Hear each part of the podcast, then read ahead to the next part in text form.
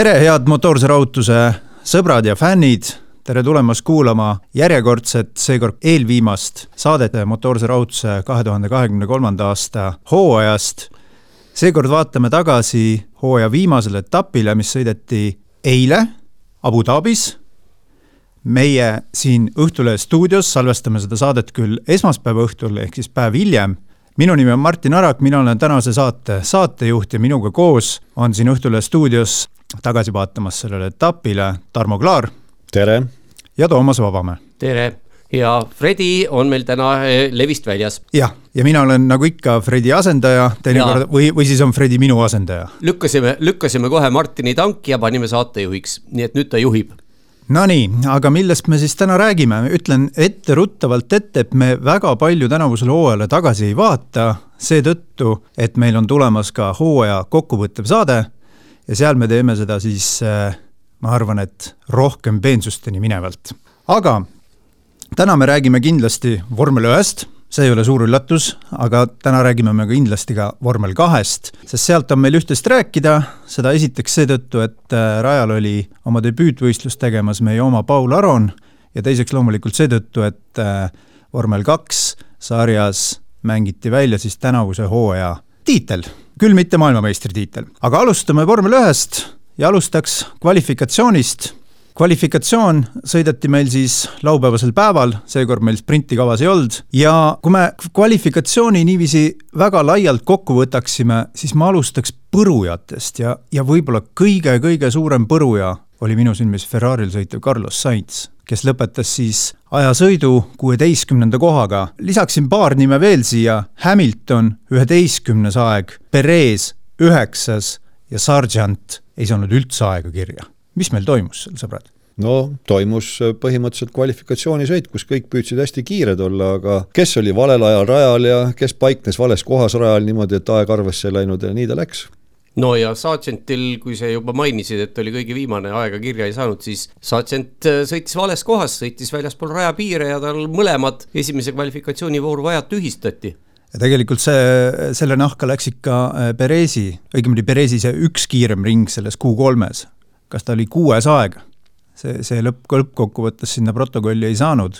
Perez on tänavu ennegi ju silma paistnud sellega, et ei saa aru, kust rajapiirid jooksevad, no täna või täna, eilne siis etapp oli veel suhteliselt leebe sellega võrreldes. ja, ja, ja kui me siin Sainzi silmas peame ja Hamiltoni, siis äh, noh, ütleme niimoodi, et äh, võib-olla see intriig oli, oli äh, sarja promootori poolt esile kutsutult suurem, kui ta tegelikult oli, aga võitlesid ju Mercedes ja Ferrari konstruktorite karika teise koha eest. ega see oligi jah, see kõige suurem intriig ja ütles ju Leclerc pärast kvalifikatsiooni välja, et eesmärk on pühapäeval Mercedest edestada ja ta lootis väga, et Sainzil sealt kuueteistkümnenda koha pealt start õnnestub ja tal õnnestub ka. Sainzil siis õnnestub kaasa rääkida seal punktide jagamises, väga ei õnnestunud, nagu hiljem selgus aga oleme ausad, meile siin, meie oleme niisugused äh, puudega, nagu Tarmo tavatseb öelda. sügava puudega Süga, okay. olen mina. jaa, vabandust, vabandust, härra sügava puudega.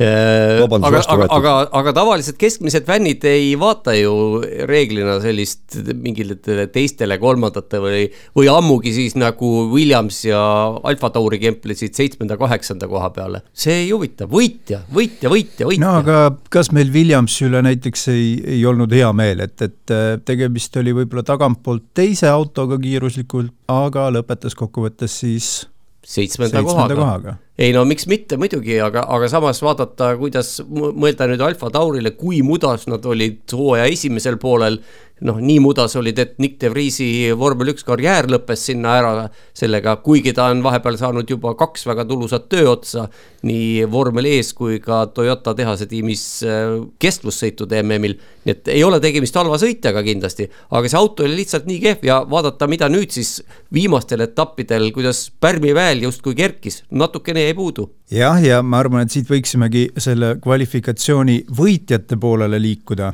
et Tsunodast oleks vast paslik kohe edasi rääkida, järgmisena Tsunoda kuues aeg sellesama Alfa Tauri autoga. liigub küll. liigub küll, kui vaja liigub äh, üks asi ja teine asi, et Alfa Tauri, kas oli üks väheseid, kes tõi nüüd viimasele etapile ka uuendusi? No aga seesama Kemplus Williamsiga, see oli väga tugev motivatsioon. just ei olnud mõtet tagasi hoida. nagu nad ise ütlesid, et tegelikult paljud on öelnud, et kuna reeglid püsivad järgmisel aastal muutusteta, siis ei ole niimoodi, et sellel aastal viimastel etappidel äh, kasutusele võetud uuendused on kuidagi maha visatud äh, aeg, raha ja, ja pingutus. sellepärast, et autod arenevad nii-öelda sujuvalt. no sa ei saa tõenäoliselt neid, ütleme, Alfa Tauri antud juhul tõi viimaseks etapiks autopõhja, uue autopõhja. tõenäoliselt nad ei saa seda põhja kruvida tuleva aasta auto külge, aga nad said näha, kuidas see töötab kõik need põhimõtted, mille, mille alusel see auto põhi on loodud, need saab ju kõik tuleva aasta autole üle kanda. Ja noh, paistis, et tegelikult töötas ju täiesti korralikult. just, võib-olla üheks põrujooks tasub selle Tsunoda kuuenda koha kõrval mainida siis ka või ära märkida siis ka Daniel Ricciardo, tiimikaaslane tal, kes siis oli kvalifikatsioonis alles viieteistkümnes, aga kes veel kvalifikatsioonis kindlasti Äh, võitjatena väljusid loomulikult esimesel kohal lõpetanud Max Verstappen, teisena äh, Charles Leclerc, kolmas Oscar Piastri ja miks mitte Nico Hülkenberg kaheksandal kohal. no Hülkenbergi kaheksas koht kindlasti on märkimisväärne, ta on seda tänavu ma ei ole küll lugenud neid kordi, aga ma arvan, mingi viis-kuus korda tõenäoliselt jõudis kolmandasse kvalifikatsioonivooru, võib-olla isegi rohkem aga tulemused muidugi, Haasi tiim on niisugune naljakas tiim, et seal äh, finiši koht eriti ei sõltu stardikohast. kusjuures mõni etapp tagasi ütles selle välja Günter Steiner ju, kas see polnud, polnud mitte Austini etapil koguni, oma, oma võistkonna koduetapil nii-öelda ütles ta otse välja, et ega seal vahet ei ole, mis koha pealt me stardime. see lõpptulemust ei mõjuta, seda oli päris naljakas lugeda ja kuulata. nojah, aga Günter Steiner on tuntud selle poolest, et ega ta, kui ta midagi mõtleb, siis ta seda kohe ka ütleb. jah, ja ma arvan, et äh, selle kõige valguses me tuleme ka ühe teise tiimipealiku juurde, kellele siis Abu Dhabi etapp oli äh, viimaseks. Äh,, tegemist siis Franz Tostiga ja Franz Tost on küllaltki sarnane Äh, ütleme, Günter Steinerile no, nende väljaütlemiste poolest. ja võib-olla, võib-olla mitte nii, nii värvikas meediafiguur, et ta on ikkagi tagaplaanil olnud, Steiner on kogu aeg peadpidi kaameras ja no tost, kui mõtleme kasvõi nendele, sellele Netflixi sarjale, siis seal Steiner ikkagi oli, oli märksa kandvam tegelane kui Tost no ja Tost ei saa kindlasti peategelaseks panna, et Steineri kõrval on äh, iga, iga muugi värvikam tegelane äh, tunduks kuivikuna, no Tostist rääkimata, aga tuleme Tosti juurde veidikene hiljem tagasi, aga äh, mainiks korra ära ka äh, Verstappeni tulemuse, et äh, märkimisväärne Märk..., kuigi et äh, pole justkui tänavust hooaega vaadates suur üllatus, aga siiski, vabatreeningutel ta praktiliselt, et selle autoga ju sõita ei saanud. No sõita, sõitis, aga korralikult ei saanud sõita, tegelikult ütlesid sama ju ka teised, no Leclerc rääkis tegelikult põhimõtteliselt sama, sama juttu. Et järsku, järsku auto hakkas kiireks ja, ja oli neid sõitjaid minu meelest seal teisigi, no kui me nüüd üldse vabatreeningutest räägime, siis reedel ju tegelikult vabatreeninguid põhimõtteliselt ei olnudki, suurel jaol sõitjatest. just.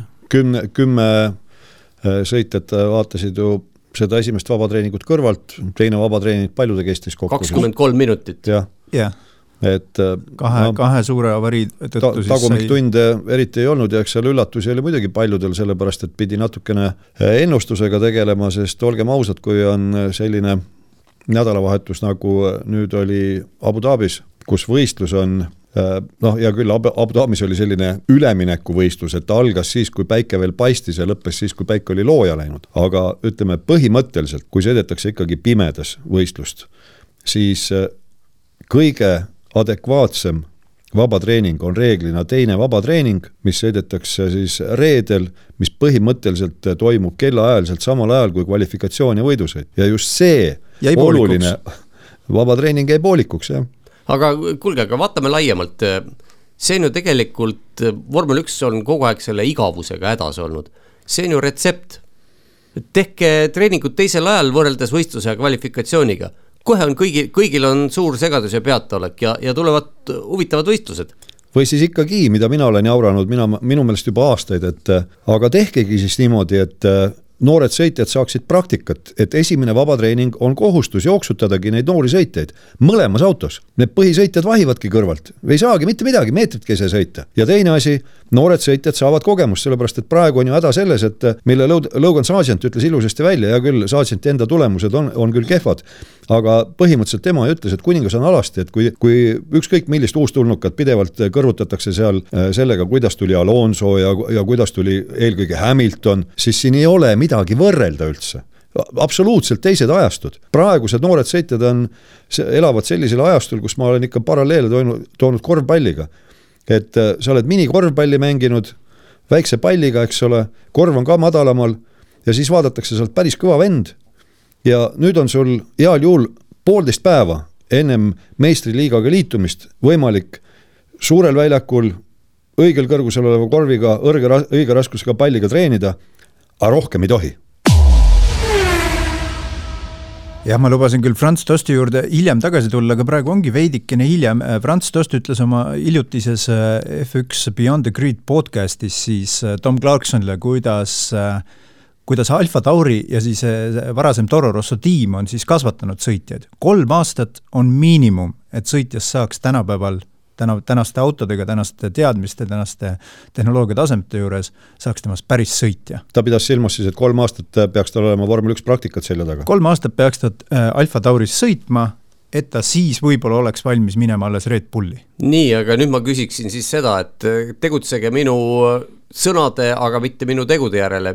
mitu, muidugi Tost ei määra seda, Tost on ainult üks mutrike põhimõtteliselt selles suures masinavärgis, et doktor Marko ikkagi, kes üt-, on see, kes keelab keset poe peal laseb. ma tahtsin küsida, et kui palju sõitjaid siis on saanud selle kolm aastat seal Alfa Tauris või Toro Rossas, no nüüd Tsunodal on Tsunoda näiteks, Tsunodal on nüüd kolmas aasta käimas jah, aga, aga tundub, et Tsunoda vist ongi see, see näide, mille pealt Tostil see teadmine tekkis, eelmised seitseteist aastat ei ole seda näidet talle toonud. kiiremini välja praagitud, jah. just nimelt, seda ma tahangi öelda, et varem minu meelest ei ole, kolme aastat ei ole kellelegi antud. no ütleme, et Vettel ja Verstappen näitasid lihtsalt kiiremat arengut. ei no, no nemad on, nemad on, nemad on väga, nemad on väga erilised. seda Tost muidugi ütles ka selles saates, et, et Vettel ja Verstappen on siis äh, selle, nendest seitsmeteistkümnest sõitjast. aga, aga kui me mõtleme niisugustele nimedele nagu Gasly, Albon no enne seda veel Kviat, Algersaari, Buemi, veel enne ja. seda Scott Speed, no neid on seal terve trobikond, Kristjan Kliin võib-olla. Neile ei antud seda aega ju.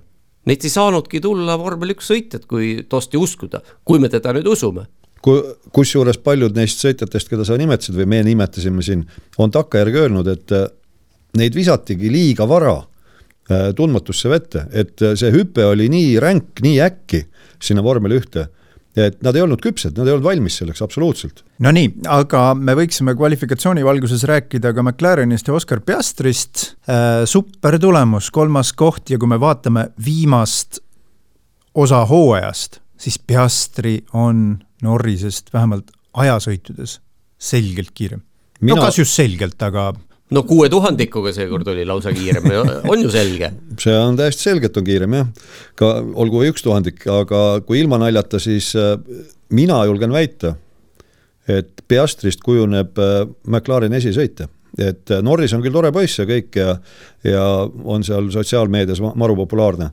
aga vot Piastri on see, nii nagu James Vowles ütles Sargenti kohta, siis mina ütlen Piastri kohta real deal. no on Piastril selgelt näha üks äh, puudus, mida ta üritab nüüd korvata Norrisega võrreldes, ta ei suuda rehve nii kaua elus hoida ja see oli näha nüüd, me ei ole küll veel jõudnud sõidu juurde. ja see oli Franz Tosti aga, aga, see kolmas on... aasta, Toomas see kolmas aasta no, kus õpitakse no, rehve. temal on esimene aasta alles. jah ja., nii et Piastril on aega minna, nii et ma, ma arvan, et me oleme Tarmoga nõus. ja, ja no Piastrit tõenäoliselt keegi sealt minema ei hakka ajama enne kolmandat aastat ega, ega tõene-, mis aastani tal leping oli? kaks tuhat kakskümmend kaheksa äkki või? päris pikk leping tehti. kas ta sõlmis, ta tema, sõlmis tema, värskelt? jaa, temaga leping. sõlmiti leping isegi üks aasta kauemaks kui Norrisega. aga ma nüüd aastaarvu täpselt ei mäleta. tuleb kangesti meelde äh, Leclerc äh, versus Vettel Ferraris samamoodi, seal oli veel hullem muidugi, seal Vettelile isegi polnud veel lepingut pakutud mitmekordsele maailmameistrile, kui Leclerc'ile pakuti nelja-aastast ja sõlmiti no, nelja-aastane leping. aga, aga Tarmo, kui me või, me võime neid näiteid ju korjata siit ajalukku tagasi veeretades, ma ei tea, kui palju, no mis see, mis see Raikkonen versus Schumacher nüüd teistmoodi oli? ei olnudki. just, see ongi, et ma ei, ma ei taha jälle ennast, ma ei ole ammu, ammu muidugi seda Heidfeldi seadusest jälle rääkinud aga, aga, aga, aga, aga, aga tahaks öelda, et see põhimõte on selles, et tiimidel, et tiimidel on alati uus ja huvitav ja tundmatu sõitja on äh, eelistatum kui vana ja tuntud, olgugi pealegi, et väga tituleeritud. kas me nüüd äh, ronime tagasi raja peale? ja palun no,. sina oled saatejuht. hakkame rääkima pühapäevasest võistlussõidust, räägime kõigepealt oludest. Õhutemperatuur vähemalt sõidu alguses umbes kakskümmend seitse kraadi, rajatemperatuur kolmkümmend kolm kraadi. see vist langeb rajatemperatuur natukene langes, aga, aga oluline on mainida ka seda võrdlust äh, vabatreeninguga, selle ainsa lõpuni sõidetud vabatreeninguga, kus ka kõik sõitjad siis osalesid. ja laiuslaastus oli äh, rajatemperatuuri vahe kümme kraadi. ehk siis vabatreeningul oli, vabatreeningul oli kuskil nelikümmend kolm, nelikümmend neli kraadi mis tähendab äh, või õigemini taaskord tõestab seda, et, et no põhimõtteliselt et see... võib öelda, et äh, vabatreeningul sõideti suverehvidega, aga võistlus talverehvidega umbes midagi ja, sellist. midagi taolist, jah. Nonii, aga meil oli kahekümnest võistlejast seitseteist äh, siis rajal minu märkmete järgi nende keskmise seguga rehvidega, kasutusel oli üldse kolm rehvi segu, nagu ikka, aga seekord siis need kolm kõige pehmemat viiest kolm, mis siis kõige pehmemad. ja need kolm võistlejat, kes siis läksid kohe rajale äh, kõvema rehviseguga, olid Stroll, Sainz ja Botas. Sainzi puhul üpris ootuspärane, et ta sealt kuueteistkümnendalt stardikohalt nende kõvemate rehvidega rajale läks. mis oli Sainzi eesmärk? eesmärk oli teha üks boksipeatus sõita nende kõva, kõva seguga rehvidega nii kaua kui võimalik ja lõpetada võistlus siis pehmematega või, või keskmistega, vabandust kas see tal ka õnnestus, selle juurde me tuleme üpris varsti. Äh, võistlus läks lahti, Verstappen ei saanud kõige paremini kohalt minema. Äh, päris nii kehvasti ta ka minema ei saanud nagu Hülkenberg, kes langes oma kaheksandalt stardikohalt kohe, kohe, kohe päris, päris taha, aga Leclerc startinud teiselt kohalt siis asus kohe konkurentsi pakkuma Verstappenile, kohe esimeses kurvis. ja Verstappen ei olnud sugugi valmis seda kohta ära andma. hoopis tõsisem rünnak toimus siis selles šikaanis, mitmes kurv see meil ongi? kuues, kuues-seitsmes kurv, jah. kuues-seitsmes kurv. ja kas see ei olnud teie jaoks veidi nagu üllatuslik, kui jõuliselt Verstappen oma kohta kaitsma läks Leclerc'i vastu? ei olnud. ei olnud? ei, minu jaoks absoluutselt mitte. minul oli pigem oli üllatus see, et Leclerc'il just see esimese kurvi üritus, see oli niisugune no ta ei olnud nagu täie jõuga, ta vaatas, et äkki saab aga poole pealt vaatas, aga vist ikka ei tule, et ma siin ei proovi, noh, ma võin aru saada, et ta, ta üritas ikkagi pärast seal kuuendas kurvis uuesti, aga pigem ma ütleks, et see oli Leclerc'i poolt mitte täis sajaprotsendiline pingutus. noh, nagu ta ise ka pärast selgitas ju, kui äh, sõidu järel intervjuus küsimust talle esitati, David Coulthard küsis, siis Leclerc ütles, et jah, ma muidugi proovisin, aga, aga tõenäoliselt ei oleks äh, Verstappeni ees suutnud niikuinii kaua aega püsida ja põhiline oli ikkagi Mercedesega võidelda aga, aga, aga ma põhjendan, miks minu jaoks ei olnud mingi üllatus, sellepärast et äh, ei olnud mitte midagi võita ega kaotada Verstappenil, tema läks lihtsalt võidusõitu nautima. temal oli täitsa kama kaks, kas ta lõpetab seinas esimeses kurvis või kus ta lõpetab, äh, individuaalne meistritiitel kolmandat korda käes, konstruktorite karikas võidetud tiimile. Tarmo, päris nii see ei olnud, sellepärast et Verstappen sõidu järel tunnistas, et nad oma võistlusinseneriga siis äh, olid teinud plaani, et kätte tuleb saada see hooaja äh, juhitud ringide rekord, tuhat ringi. ja nad läksidki aga see täiesti... oli enne, ei see oli enne käes juba, see oli tal enne seda etappi oli. ei olnud, ta sai va sellel etapil. jaa, valetan, läbitud ringide arv. ja nad isegi sättisid oma rehvi taktika selle järgi, et võimalikult vähe ringe konkurentidele kaotada. aga ikkagi ma väidan, et et tal, tal ei olnud mitte midagi kaotada, sest see, see on selline statistiline näitaja, nad võisid selle eesmärgi seada. no ta aga..., ta võis selle eesmärgi seada sellepärast, just nimelt, ta võis selle eesmärgi seada sellepärast, et ta võis seda. jah, ja, ja, ja teine asi, miks ta oli nii agressiivne, ta teadis väga hästi et äh, Leclerc'il on vaja igal juhul võimalikult kõrgel kohal lõpetada, Leclerc ei lähe rattaid alt ära sõitma äh, Verstappeni vastu, kindlasti mitte. Ja nii oligi. aga Verstappen suudab sellest, sellest hoolimata vähemalt mind üllatada no aga vaadake, mis, mis edasi. mind ei üllatanud. aga vaadake, mis edasi toimus. edasi toimus ju see, tõmbas Verstappen ühe ringiga Leclerc'iga sellise vahe sisse, et veel enne DRS-i vabaks andmist oli juba rohkem kui sekund vahet. see tähendab, et Leclerc'il DRS-i lootust ei olnud ja niimoodi see püsis kuni esimeste boksipeatusteni, viisteist ringi. jah. ja, ja mina on..., ja mina väidan, et Verstappen meelega hoidis seda. jaa absoluutselt, Verstappen ka ütles, et äh, need äh, esimese ringi need äh, siis manöövrid Leclerc'i suunal need olid siis piisavad, et tappa ära suurt hulka seda, seda rehvi tema auto all. ja seetõttu ta ka ei, ta ka ei tahtnud, ta pole ka seda varasemalt teinud, käesoleval aastal ja ka eelmisel aastal mitte. ehk siis ta ei ole tahtnud sõita suuremat vahet, kui on just nimelt vajalik. ei no kui sul on teistest äh, oluliselt parem auto ja ilmselgelt tal on oluliselt parem auto, mis sobib talle, siis sa sõidadki nii aeglaselt kui võimalik ja nii kiiresti kui vajalik. no talle annab, see auto annab talle väga erinevaid võimalusi, kui ta tahab, võib sõita sellega kiiresti, võib ja. sõita nii-öelda rattad alt ära, kui ja. peaks vajadus tekkima. aga kui seda vajadust ei ole, siis milleks, milleks riskida asjatult? Aga jah, suurepärane kombinatsioon on see Red Bull äh, RB üheksateist, et, et suudab äh, neid rehve ellu äratada, aga samal ajal suudab neid ka säästa niimoodi võistluse käigus. no eks see ikka sellest tihendist rooli ja istme vahel ka sõltub. sellest ka sõltub, kahtlemata. aga nüüd äh, alustame siis äkki esimeste boksipeatustega äh,, võib-olla äh, et mõned sõitjad olid täiesti plaaninud ühe boksipeatusega läbi ajada aga selle no, plaani. nagu sa, nagu sa ütlesid, Sainz ja, ja kindlasti, kes ka realiseeris, see oli Bottas. ja Tsunoda, aga kes nüüd selle plaani äh, võib-olla et ära rikkus, oli Alonso. kolmeteistkümnendal ringil tuli siis tema esimesena äh, suurest siis äh, ütleme tipuladvikust. noh, nii palju, kui Alonsot saab selle etapi põhjal tipuks pidada, tuli sisse ja talle siis äh, riburada pidi järgnesid ka siis äh, kõik teised. liider Verstappen tuli siis boksi seitsmeteistkümnendal ringil. ehk siis noh, neli, neli ringi hiljem kui siis Alonso, aga tal oli ka see võimalus seda niivõrd kaua siis edasi lükata. ja pärast seda sattus meil siis võistlust juhtima Yuki Tsunoda. üllatus-üllatus, vähemalt mingil hetkel võib-olla see oleks sobilik koht, kus me natuke räägiks Alfa Tauri tiimist, et eh, ja, ja võib-olla ka Yuki Tsunodast, Yuki Tsunodal oli see muuseas esimene kord vormel üks võistlust üldse juhtida. no vot, kui jälle see kolme aasta jutt just täpselt, hakkab tulema, hakkab vaikselt tulema e,.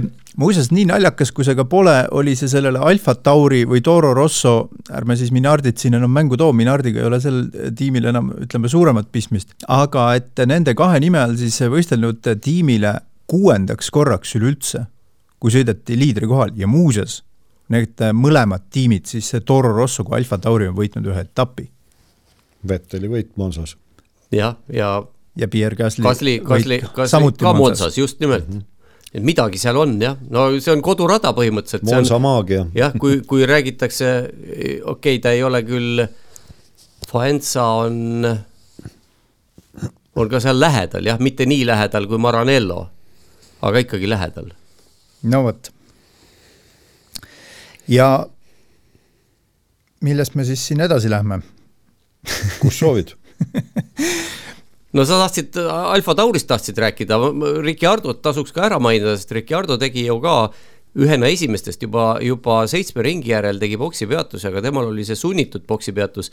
võib-olla, vot ma ei ole nüüd väga ajanud näpuga järgi, aga võib-olla oli temal ka kavatsus ikkagi ühe poksipeatusega see kogu võistlusmaa, kõik need viiskümmend kaheksa ringi läbi sõita, aga tema tuli ju boksi sellepärast, et oli kiivrikile sattunud piduriõhu kogujasse jah, ja sama saatus tabas mingi hetk ka Hamiltoni, äh, kellel samamoodi mingisugune, tal ei sattunud mingi tükk sinna äh, piduri selle jahutusava ette, vaid, äh, vaid see lihtsalt purunes kerge kokkupõrke tagajärjel. nii, mida me veel räägime Alfa Taurist?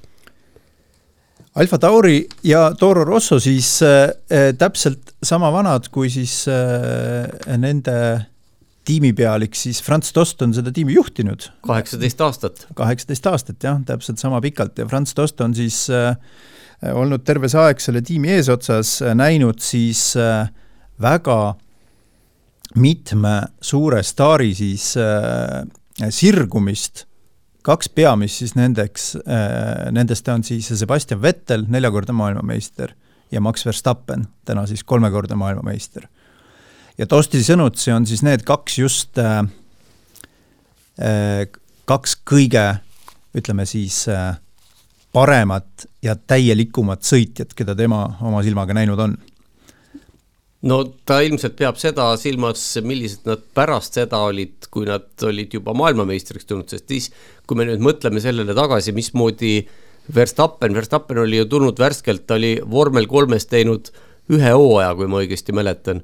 Ja veel mingitel teistel väiksematel vormelitel seal Lawrence Strolli nimelises talvesarjas sõitnud ka mõned, mõned korrad, mis olid päris tema esimesed vormelistardid üleüldse. aga tema muidugi oli niisugune tõusev täht, et noh, seal ei olnud võimalik, pakkusid ju perekond Verstappen pakkus oma teeneid kõigepealt Mercedesele, aga klausliga, et Sõitja tuleme siis, sõitja koht aga Mercedes ei olnud seda pakkuda ja loomulikult siis Red Bullil oli see koht pakkuda ja nii see diil tehtigi. et äh, ütleme niimoodi, et äh, Verstappeni kasvatamisega sõitjaks äh, ei olnud väga palju tegemist sellel Red Bulli lasteaial no,. Verstappen tuli sinna, ütleme üheksakümmend viis protsenti valmis sõitjana jah, et kui ma õigesti mäletan, siis Red Bull krabas ta endale siis, kui Verstappen sõitis vormel kolme ja hooaja teises pooles alles. just nimelt, sest ta oli hooaja esimese poole Van Amersfoorti tiimis, sõitis Hollandi tiimis ja tema autol ei olnud Red Bulli kirju, oli tavaline see Van Amersfoorti must ja oranž kujundus ja siis poolest hooajast plaksti. Ja noh, ega tema tulemused muidugi sellest ei muutunud, ta sõitis ikkagi väljapaistvalt seal ka, aga ti tiitlivõitu sealt ei tulnud, muuseas täpselt nagu Verstappen või äh, Vetteligagi ja Vetteli puhul muidugi ka, Vetteli puhul oli Red Bulli osakaal oli suurem, aga ka mitte sada protsenti. sest kui nüüd meenutame, millises tiimis, millise autoga tegi äh, Vettel oma esimese vormel üks stardi?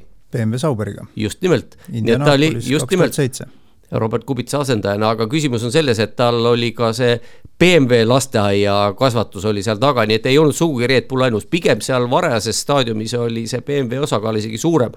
sest vormel BMW oli ju see, kus ta võistles just, ja miks me seda kõike sellises pool leinameeleolus siin räägime? minul küll leinameeleolu ei ole on seetõttu, et ka Alfa Tauri nimi on nüüd see, mis meil siit selle hooaja järel siis äh, konstruktorite äh, no see on niikuinii, see on niikuinii nii kunstlik nimi, et see, et, et see tegemist on Red Bulli kontserni kuuluva moeettevõttega. no see, see, see on nii kunstlik, see Toro Rosso on, ma, ma tahan siiamaani kahel kolmandikul juhtudest tahan öelda, kui ma neid autosid näen, tahan öelda Toro Rosso. Alfa Tauri on kuidagi kunstlik ja pean vägisi seda välja ütlema jah, ja, ja, ja momendiks ei ole siis teada, mis, mis saab äh, selle tiimi uueks nimeks tuleval aastal, aga tuleme tagasi räägitakse muuseas, räägitakse Hugo Bossist ja räägitakse ka Adidasest, aga Adidasel on ju ka teisi kaubamärke selles kontsernis, ega Adidas ei ole ainukene, see võib küll see ettevõte olla, aga no vaatame, eks selle ümber kannatab vahtu veel peksta siin üles tükk aega.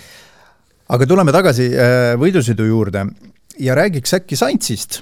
Saints oli siis niimoodi vargsi hiilinud oma Räägi, räägime Santsist ka selle teemaga, mis tal vabatreeningul juhtus. sellest ei saa ka üle ja ümbert, see oli siis teine vabatreening, see kõige olulisem vabatreening, kus Santsil läks auto teise-kolmanda kuuri vahel käest, täiesti nagu lambist, Sants ise kõigepealt hakkas hädaldama, et eessõitev auto, noh, see oli muidugi niisugune väljamõeldud või, või esimesena no,. ju ta, ju ta ise ka päris täpselt ei, ei adunud no, seal, mis jah, toimus. aga, aga fakt on see, et Saintsi auto läks väga katki seal, nii et tuli seal vahetada jõuallika osi, tuli vahetada käigukasti.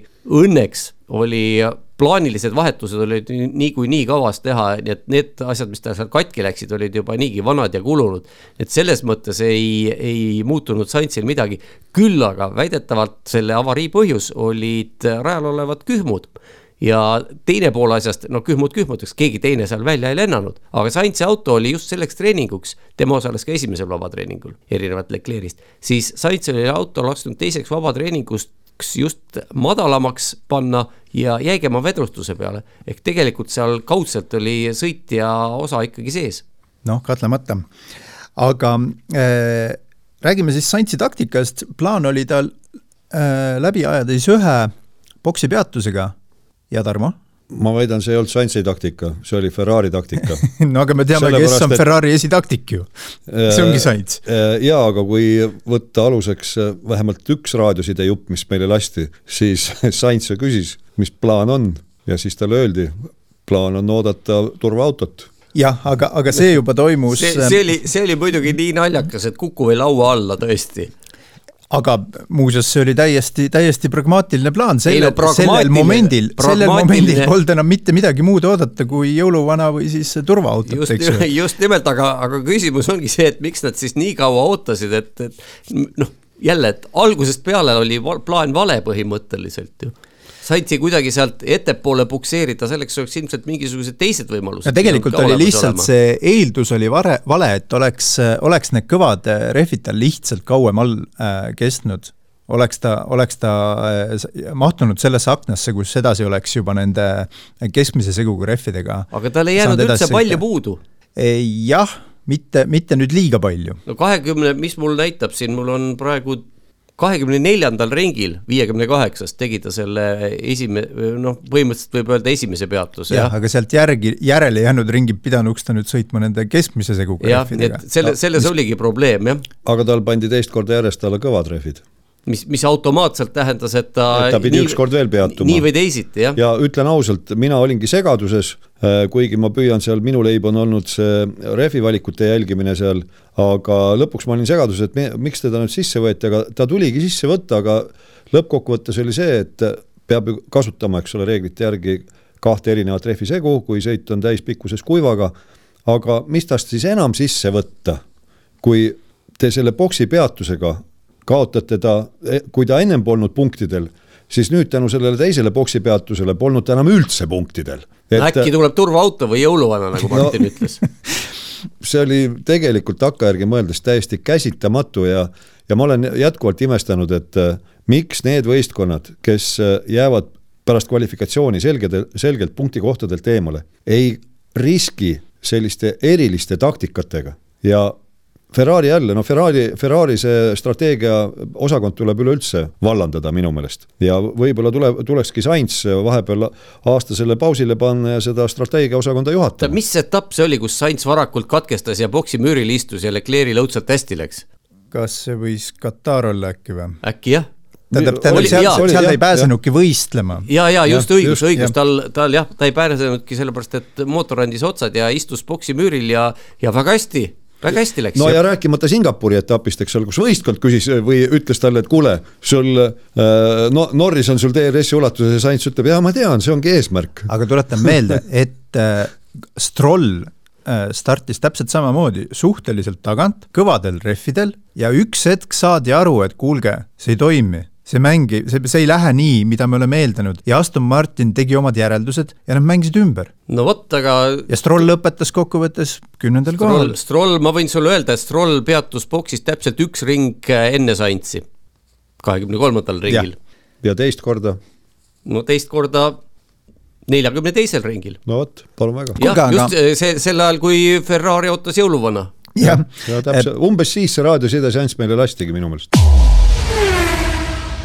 mul oleks teile üks äh, intri-, intrigeeriv küsimus ka, et kas me ei saanud Abu Dhabi kohta kuidagi suhteliselt põnevat sõitu seekord? oli küll jah, mina julgen ka väita, et oli no ikka. Abu Dhabi keskmine tase on muidugi nii madal, et, et sellest äh, sellest latist, sellest ei ole isegi vaja üle hüpata, sellest ei ole isegi vaja üle astuda, sellest saab üle roomata rahulikult. hea küll, meil oli, oli seal üksjagu selliseid äh, DRS-i poolt assisteeritud äh, selliseid NASCARi stiilis äh, möödasõite, suhteliselt sellised äh, väheolulised või aga või..., aga, aga just, just, just, räägi, mida sa tahtsid rääkida? Ma, ma tahtsin ütelda, et, et kokkuvõttes saime me ikkagi nii-öelda ka väärtuslikke positsioonivahetusi absoluutselt, esine... ja me saime näha ka selliseid küllaltki intrigeerivaid kokkupõrkeid. no kokkupõrge, aga ma nüüd ei mäleta enam, kes see, kes see täpselt oli, aga minu meelest oli esimene kord, kui vormel ühes tehti Abu Dhabi üheksandas kurvis möödasõit väljastpoolt.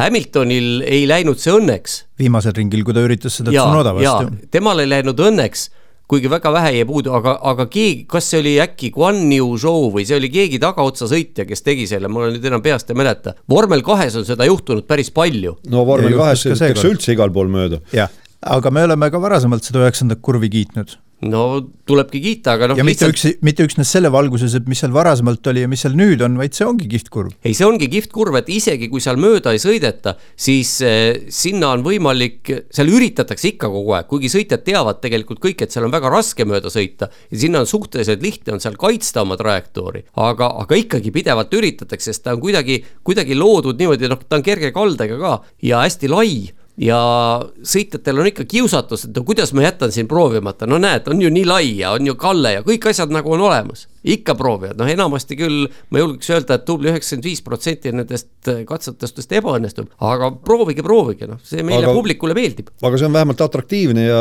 see kurv on ju isegi üle saja kaheksakümne kraadi tegelikult, kui niimoodi vaadata. pigem jah. olla jah, natukene ja, rohkem natukene, kui tagasipööre. natukene jah. rohkem kui tagasipööre isegi. ja kui me mõtleme sellele, et see, see üheksas kurv asendab nelja varasemat mingisugust arusaamatut siksakki seal, siis noh, see on küll väga õnnestunud muudatus. jah, millest mõned olid veel äh, sellised äh, vale poole kaldega mis oli siis toonane Herman Tilke selline standard noh, need, need, sellistel kurvidel on ka oma võlu olemas, aga, aga mitte sellisel kohal, sest noh, jälle. võib-olla mitte maailma, kahekümnele maailma parimale. ei, miks mitte, miks, miks, miks, mitte, noh, mul ei tule praegu küll ühtegi sellist no, head. eriti inspireerivad. no on küll, vormel üks ei sõida praegu enam äh, Malaisias, aga seal ju viimane kurv ehitati spetsiaalselt ümber. jah, negatiivse kalde. negatiivse kalde peale. moto-GP seal sõidab, seal palun väga, on näha. ja seal on, no muud sarjad ka sõidavad, GT sarjad sõidavad seal ja, ja see on väga äge kurv nii et ei saa öelda, et see negatiivse kaldega kurv ilmtingimata oleks kehv. seda on kahjuks silmale niimoodi kole vaadata. no aga ma ei tea no.. aga mis see loeb, kui vaatemäng on äge?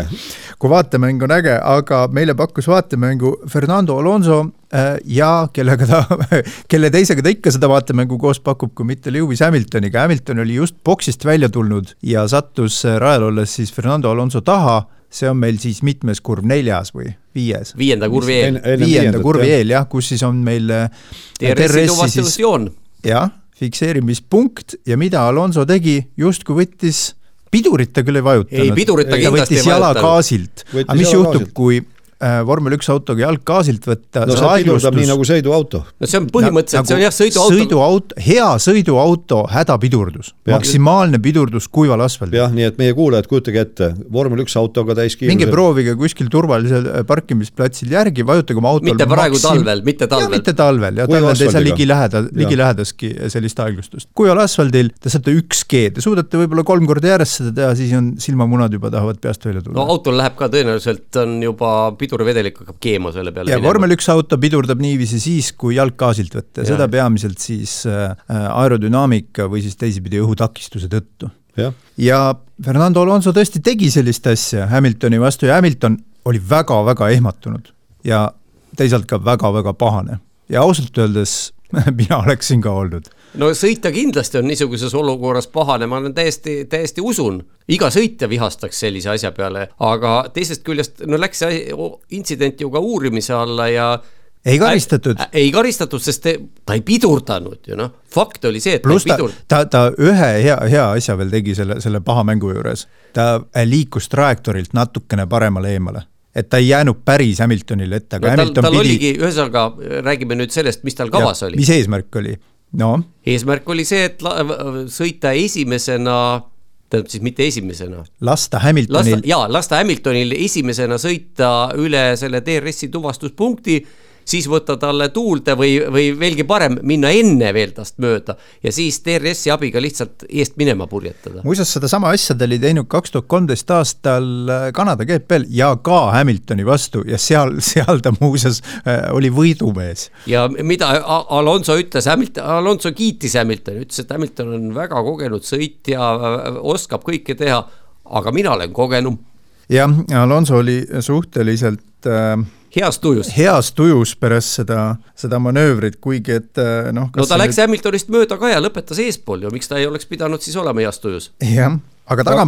aga see näitas veel kord, et äh, Hämi-, vabandust, siis äh, no Hamilton küll ka justkui, aga Alonso on ikka tõeline rebane ja tal on need äh, reeglid ikka, reeglid on hästi, hästi selgeks tehtud ja ütleme, see raja olemus on ka läbi mõeldud, et kus on need DRS-i alad, kus on tuvastuspunktid, ta on selle kõik läbi mõelnud enda jaoks, võistluse jaoks. Franz Tosti järgi äh, tulevad need oskused kolmandal aastal. no kes, äh, kui nüüd hakkame tagasi mõtlema, siis mitte keegi ei tunne äh, Abu Dhabi rada paremini kui Fernando Alonso pärast aastat kaks tuhat kümme.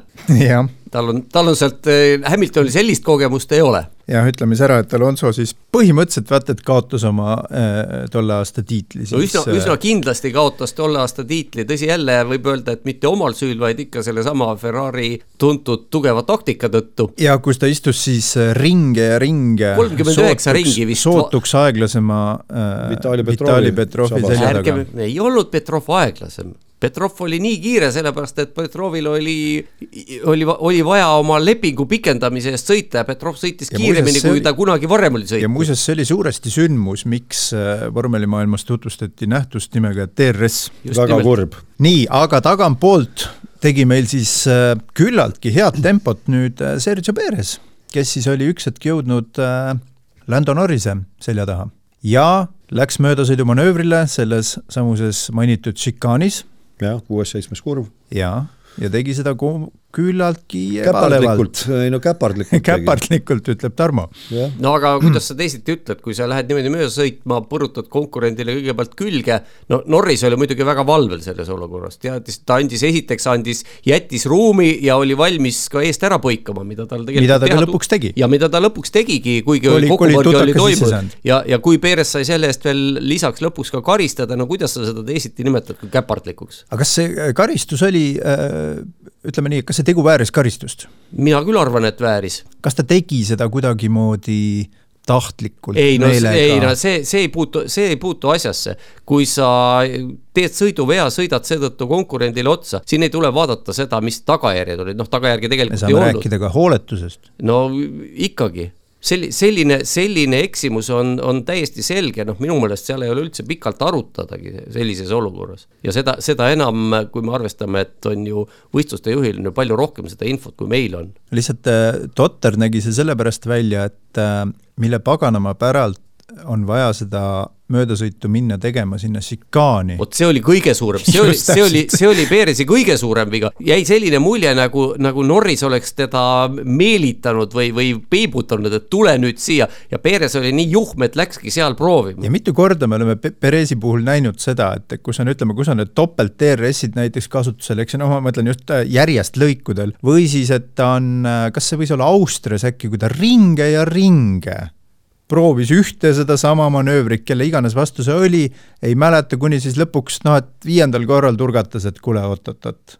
et seda tuleks hoopis seal teises DRS-i alas ma teha. ma tahtsingi öelda, et äh, Perez on selline huvitav tegelane, et äh, mida lähemale kõrgetele kohtadele ta sõidu käigus jõuab, seda rohkem tal see mõte peetub seda vähem ta mõtleb, tal täi-, täiesti analüüsivõime kaob, arusaam äh, selle raja olemusest kaob, oli see Austrias, oli see Interlagoses ja nüüd oli jälle Abu Dhabis. Tarmo, ma tahan vastu vaielda. ma tahan öelda, et Perezi probleem on just selles äh, vastupidi, et mida kõrgematele kohtadele ta tõuseb, seda rohkem ta hakkab mõtlema ja seda vähem tal jääb aega keskenduda autoga sõitmisele. no seda võib ka nii niimoodi tõlgendada. Verstappenil käib see mõtlemine, mida me nimetame mõtlemiseks, käib ilmselt seljaaju tasemel noh, ta, ta ei, tal ja tänu sellele tal on ajukapatsiteeti nii palju üle, et ta saab, noh, ma ei tea, millele mõelda, eks ole, et kas ma teen nüüd tuhat ringi praegu või teen ma seda natukese aja pärast, kõik, kõik sellised asjad. ja, ja Perezil tundub jah, et just on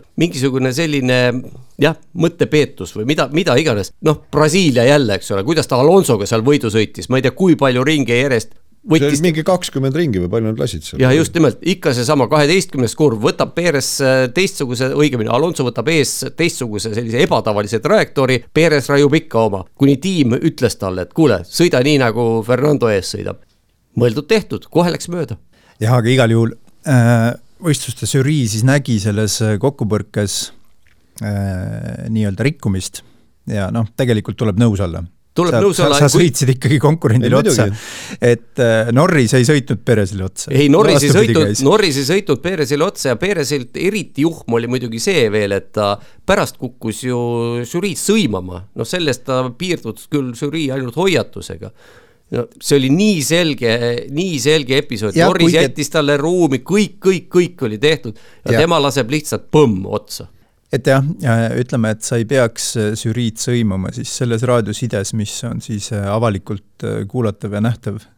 No ega neil muud raadiosidet see, see no muud ei ole, ole, aga siis sa peaksid sellega tegelikkuses arvestama. ei, loomulikult. Ja, ja just see, et Norris tagantjärele ütles ka, et ta ju teadis et tagant tuleb Perez ja ta, Perez on tast oluliselt kiirem ja tal ei olnud, äh, Norrisel ei olnud kavatsustki temaga puselema seal hakata ja võitlema hakata, jättis meelega ruumi. no Norris jättiski nii viisakalt, ükski vormel üks sõitja, kui, kui käib võitlus, ei jäta nii viisakalt ruumi, seal oli kahe auto jagu laiust, kahe auto laiuse jagu oli ruumi kurvis ta ei katnud ju üldse, ta, ta oleks, oleks seal, ta tõsimeeli Norris siis tõsimeeli läinud võitlema positsiooni pärast, siis ta oleks oma auto äh, paigutanud hoopis teisiti seal pidurdusmaa peal. no mulle jäi mulje, et äh, Perezil lihtsalt see auto esiosa nii-öelda vajus alt ära, ta oli juba valmis keerama. alajuhitavaks läks. alajuhitavaks läks ja tänu sellele oligi, ta pidi isegi kurvi keskel aga sellest hoolimata, sellest hoolimata ei ole vaja minna tegema sellist äh, noh, oleks siis olnud viimane ring ja, aga, ja käib aga, tiitli aga, peale sõit või aga räägime nüüd, mis sai edasi. mis sai edasi, ta sai viiesekundilise karistuse. veel enne seda, kui tal see esimene seda. kord toimus see kokkupõrge, järgmisel ringil ta läks ju uuesti proovima ja siis Nor-, Norris võttis veel suurema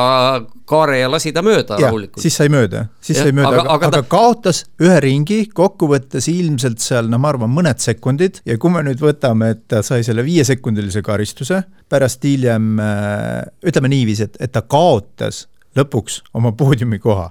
jah sel-, seetõttu, et oleks võinud olla natuke kannatlikum, võib-olla poleks saanud seda viiesekundilist ajakaristust. no kindlasti ei oleks saanud. ega, ega oleks olnud ka muud ajakaotust mida ja, kahtlemata just. oli, seda sealsamas kurvis tehes. sest ta pidi uuesti, teist korda pidi ja. uuesti hakkama mööda sõitma. ta ju raiskas, ta ju raiskas ühe ringi Norri seda ka ära. just, just. nii et noh, selline netokaotus võis no ma kujutan ette, umbes kümme sekundit olla seal. aga sel hetkel, kui Perez oli nüüd mööda saanud Norrisest, jõudis ta üks hetk siis ka veel Russellist mööda ja seejärel küsis juba Leclerc Ferrari strateeg number kaks Carlos Sainzi järel, et äh, kuidas oleks, kui me laseksime Perezi mööda, ta saab võib-olla piisavalt palju eest ära sõita ja võib-olla Leclerc saab natukene Norrist kinni hoida, ehk siis äh, mis mängu mängis Leclerc? ikka Russellit kinni hoida. või Russellit, vabandust, jah. ei no Leclerc'il oli väga lihtne, temal oli vaja ju seda, et oleks Perezi ja Russelli vahe vähemalt viis sekundit seda esiteks. just, see, see oli põhiline asi. positsioon. ja, ja teiseks ise, et oleks pidanud olema see lähemal kui viis sekundit no jah, Russellile, et punktidega mitte Russellile, vaid Peresele. vabandust, Peresele jah, et, et punktidega kokkuvõttes olla just, ees. kokkuvõttes olla Peres ees, et Peres võtaks ära Russellilt punkte. kolmanda koha, just nimelt, et, et äh, oleks kokkuvõttes järjestus siis olnud Leclerc, Perez, Russell. siis oleks Russell kaotanud kolmanda koha viiste-, viieteistkümne punkti asemel oleks teeninud kaksteist, oleks kaotanud kolm punkti ja Ferrari oleks kokkuvõttes ees olnud. see tähendab võrdsetel punktidel, aga võit oleks andnud Ferrarile kõrgema koha aga ütleme kohe ka ära, et äh, see niiviisi ei läinud ja mis juhtus Peresiga nüüd, see viktoriini küsimus, mis juhtus Peresiga nüüd kolmandat etappi järjest? viimasel ringil kaotas ringil. koha seekord isegi kaks. see on lausa, see on lausa hale naljakas on. see on, ärge unustage, tegemist on maailma paremuselt teise autojuhiga. punktide arvestuses? ei, mitte punktide arvestuses, punktid on vahend, millega seda selgitatakse. ta lihtsalt on maailma paremuselt teine autojuht vaidlen vastu, aga. sa võid vaielda, aga, aga selline süsteem on välja mõeldud. ja, ja see on seesama jutt, nagu minu käest küsitakse, et äh, ke, kes tuleb maailmameistriks, see, kes kõige rohkem punkte kogub. just nimelt. Nonii, ja tuldi siis äh, üle finišijoone siis äh, kellega ees? loomulikult Max Verstappeniga, kellele oli see siis äh, üheksateistkümnes äh, võit sel hooajal. sel hooajal. ja viiekümne neljas üleüldse, millega ta läks Sebastian Vettelist mööda kõigi aegade ettetabelis tõusis kolmandaks, kolmandaks.. just, Charles Leclerc oli kokkuvõttes teine ja George Russell kolmas ja, mitte kokkuvõttes, vaid sellel etapil siis. vabandust. ja, ja kui nüüd vaatate protokolli, siis jälle protokoll ei näita siin täit tõtt. Leclerc'i kaheksateist sekundiline kaotus Verstappenile tegelikult muidugi nii suur ei olnud, see äh, vangerdamine seal Peresiga läks kõvasti mingi viis sekundit vist ja, oli see, jah, umbes. aga muidugi, kui nüüd võtame veel selle koha tagasi, et äh, kus siis Verstappen tegelikult selle sõidu võitis. Verstappen võitis sõidu suurema ea sellest tööst tegelikult tegi ära esimese boksi peatusega mm. -hmm. kui ta läks boksi sisse, siis vahe oli üks koma viis sekundit, tuli sealt välja, vahe oli kolm koma viis sekundit ja pärast seda, kui olid äh, keskmised rehvid vahetatud kõvade peale siis kõvadel rehvidel Ferrari'l ei olnud mitte mingisuguseid võimalusi enam, antud juhul siis Leclerc'il, eh, Verstappeniga sammu pidada.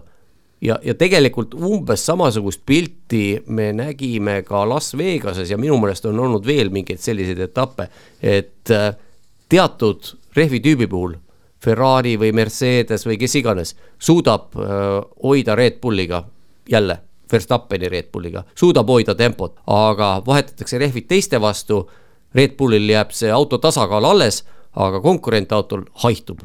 jah ja vot see ongi, see ongi see auto tugevus, millega Verstappen tänavu need üheksateist etappi võitu on suuresti saavutanud. just, aga ma Äh, tuletan ühe korra veel meelde, et kuna meid on ees ootamas hooaja kokkuvõttev saade, siis me liiga detailselt nüüd tänavu hooaja tulemustele, lõpptulemustele ei, ei keskendu, küll mainime selle ära, et enne viimast etappi Abu Dhabis oli äh, kindlustanud endale, tähendab, esikolmik oli enda kohad kindlustanud. Sõitjate arvestuses sõitjate arvestuses Verstappen, Perez ja Hamilton, nelja, neljandat kohta hoidis enne viimast etappi Sainz, viies Alonso, kuues Norris, seitsmes Leclerc.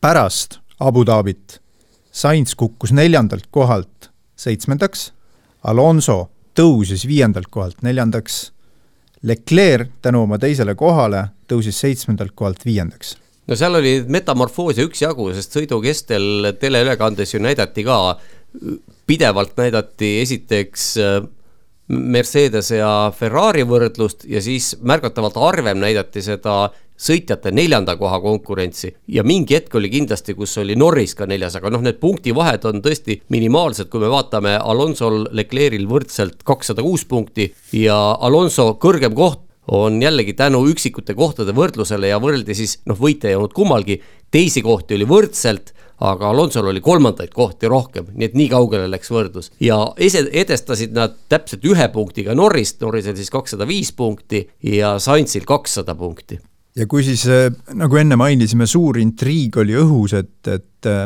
milline konstruktor nüüd, äh, millisel kohal lõpetab siis Red Bulli järel, sest Red Bull oli oma tiitli juba ammu kindlustanud, siis kokkuvõttes see seis ei muutunudki viimase etapiga. kuigi et stsenaarium oli seal mustmiljon, aga lõppjärjestus siis selline, et Red Bull esimene, teine Mercedes, kolmas Ferrari, neljas McLaren ja viies Aston Martin nojah, ja siis täiesti uhkes üksilduses ei olnud ees kedagi, ei olnud taga kedagi. Alpine kuuendana ja siis need pisikesed järjestuses Williams, Alfa Tauri, Alfa Romeo ja Haas, aga kui me räägime nüüd seal veel sellest eestotsast, siis Red Bulli punktisumma kaheksasada kuuskümmend punkti. Mercedesel nelisada üheksa ja Ferrari nelisada kuus. Ja ma olen hooaja, hooaega läbivalt jälginud seda järjestust ja Red Bull on pidevalt omanud rohkem punkte kui teise ja kolmanda koha tiim kokku. no enamuse hooajast, nüüd teise poole hooajast olid Mercedes ja Ferrari. Ja, või, või kui vaatame teistmoodi, siis äh, Red Bull oleks ka ainuüksi Verstappeni teenitud punktidega ülekaalukas tiimide arvestuse võit. viissada seitsekümmend viis punkti üksinda ja Mercedesel nelisada üheksa punkti tiimina. just nimelt, et kui me seda nüüd võrdleme, niimoodi mõtleme, mõtleme sellele taustale natuke ja, ja tegelikult kogu selle hooaja mulje on ju ka olnud selline, et et äh, Red Bull sõidab kiiresti ja Red Bullil kõik asjad õnnestuvad, aga teistel käib mingisugune selline pidev kobatamine, et noh, kogu aeg kõik koperdavad ja kui järsku keegi ei koperda, siis on ta teine. no Red Bulli ütleme, noh, ta oli domineeriv, ta oleks olnud domineeriv ilmselt niikuinii, aga kui ma küsin, kes oli Red Bulli üks ja ainus vastane sel hooajal või, või, või kes natukenegi äh, suutis nagu vastast mängida, siis äh, vaatamata sellele, et Ferrari võitis ühe etapi, siis Red Bullile tegelikult ühte ja ainsat vastast ei olnud sel aastal. ei, sellist ei olnud, aeg-ajalt üksikutel etappidel erinevad, erinevate tiimide erinevad sõitjad astusid vastu, no küll oli see Alonso, küll oli see Norris jaa, aga see on maailma parim viis äh, tiitli võitmiseks, kui sul ei ole ühte ja ainsat konkurenti. kui sul on, kui sul on erinevad konkurendid, siis äh, see teeb su elu väga lihtsaks ja, ja seal konkurentide seas ju ka see jõudude vahekord pidevalt muutus, Aston Martin vajus ära, McLaren tõusis, Ferrari'l ja McLaren, Ferrari'l ja Mercedesel käis vorm niimoodi täiesti suvaliselt üles-alla, väljast vaadates täiesti arusaamatutel seaduspärasustel, polnudki õieti mingit seaduspärasust, täiesti kaootiliselt. No nii, aga ma arvan, et me jätame selle Abu, Abu Dhabi etapi siin, siia paika, sest me tuleme veel hooaja kokkuvõtvas saates kindlasti nii, nii ühe kui teise aspekti juurde tagasi.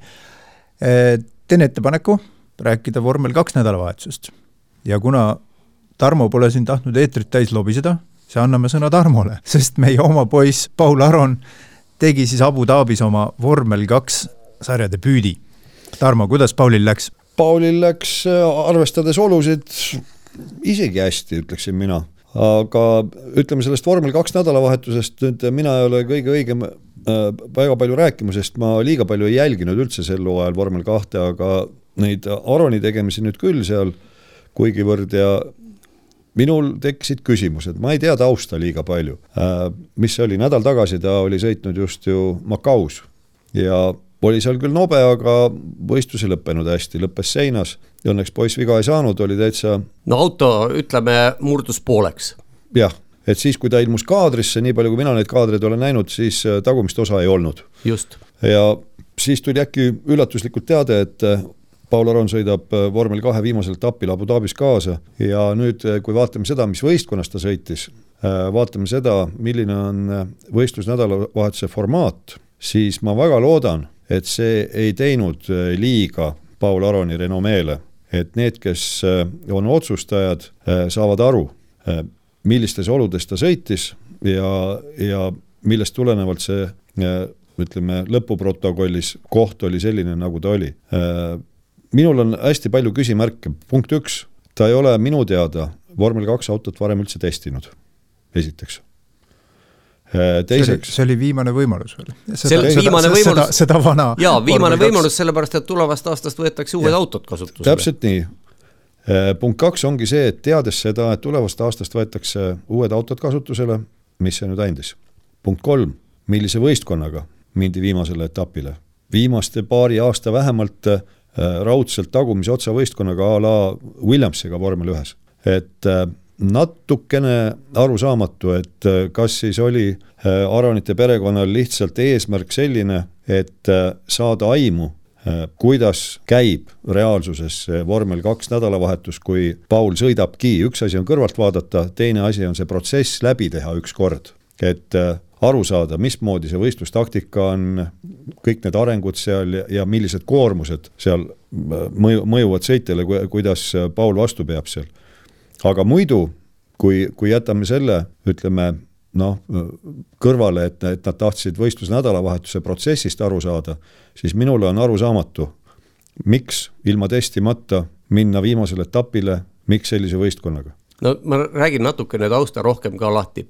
kui me vaatame vormel kahe kalendrit, siis äh, viimase etapi ja eelviimase etapi, mis peeti Monsas, selle vahe oli kaks kuud ehk noh, põhimõtteliselt seal ka mitmed teised sõitjad ütlesid, et äh, niisugune mulje on, nagu oleks teine sari, et selle eelmisega nagu midagi ei mäletagi, mis seal, mis seal õieti toimus. ja see on umbes niimoodi on tegelikult olnud mitmeid aastaid, see ei ole mingi uudis. ja teine asi, kui sellised äh, pikad pausid hooaja lõpul on, isegi see paus ei pruugi olla väga pikk, nii, nii pikka ei ole isegi vaja, aga vormel kohe see on üsna tavaline, et äh, paljud, mitte paljud, aga, aga mitmed sõitjad, kellel on seal, kas on eelarve kehv või ei ole tulemused olnud need, mis, mis vaja või mingid teised põhjused, otsustavadki, et ah, ei ole mõtet rohkem jännata, see on üsna tavaline. Ja kasutatakse ära eh, just vormel kolm sõitjat, kes on järgmisse sarja vormel kahte edasi minemas, need kasutavad seda võimalust ära ja teevad siis kas üks või kaks viimast etappi hooaja lõpul. Jüri Vips ju minu meelest käis ka samamoodi asendamas kedagi, seal ei olnud küll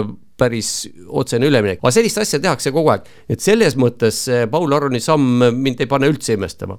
nüüd, kui me räägime tiimidest, siis äh, kaks debütanti oli sellel viimasel etapil. Paul Aaron, kes Tridenti tiimis asendas äh, prantslast Clement Novalaki. Novalak muuseas oli Sandvortis ju põhisõidu võitja, seal olid küll väga segastes oludes, üldiselt Novalak oli kehv sõitja. sattus kogu aeg mingitesse sekeldustesse ja ega tal väga tulemusi tulnud. ja teine debütant oli Franco Colapinto, kes tänavu vormel kolm sarjas oli just Paul Aroni järel neljas ja tema öö, sai autole number kaks Džehan Daruvala asemele. Ja kui me nüüd neid tiime võrdleme, siis MP Motorsport oli tänavu lõpuks tiimide arvestuses viies. Ja seal olid väikesed vahed, üksteist tiimi on. ja Trident oli kümnes. Ja punktisumma oli umbes neli korda väiksem. ehk see tegelikult paneb selle taustsüsteemi paika, nii et isegi Colapintoga võrreldes, kui teise debütandiga, kes ju samamoodi hüppas tundmatus kohas vette, siis äh, oleme ausad, ega seal nagu mingit erilist šanssi ei olnud. jaa, aga vähemalt äh, laupäeval Paul sõitis soliidse sõidu. no sõitis soliidse sõidu, aga, aga samas äh, läks ka tüüpilise sellise vormel kahe algaja ämbrisse astus ja mitte üks, vaid kaks korda. ja ta ei olnud ainukene, ehk suretas stardis auto välja, seejuures mõlemas stardis. esimesel korral laupäevases sprindis selles mõttes tal vedas, et auto suri välja soojendusringile minekul.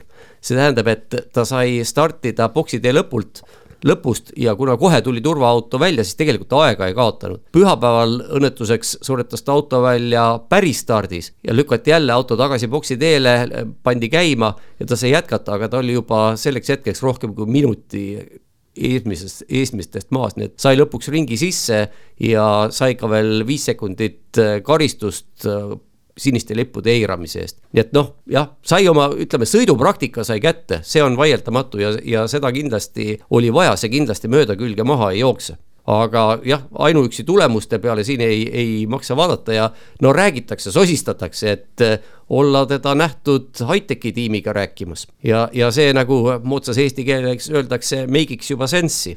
nojah, ja high-tech'iga on ju otsesed sidemed eestlastel pikka aega, aastast äh, kaks tuhat kolm või no, kuskil... see tiim ei ole päris seesama no, seda tiim. küll jah, aga seal osa võtmefiguure või vähemalt üks minu meelest on seal jätkuvalt samast ajast. jutt on siis sellest ajast, kui Marko Asmer sõitis Briti vormel kolm sarja ja tuli meistriks kahe tuhande seitsmendal aastal. ja tolle tiimi nimi oli ka Hightech. just. ja no Jüri Vips sõitis Hightechis, aga ja. ka Ralf Aron sõitis ühe vormel kolm hooaja ju Hightechis. jah, nii et äh, need äh, kontaktid on seal täitsa olemas ja Hightech ei ole sugugi kehv võistkond ju tegelikult. Hightech ei ole jah, ta on enam-vähem sama nagu MP Motorsport, aga noh, MP Motorsport, nagu ma ütlesin, Tšehan Toruvala auto oli number kaks.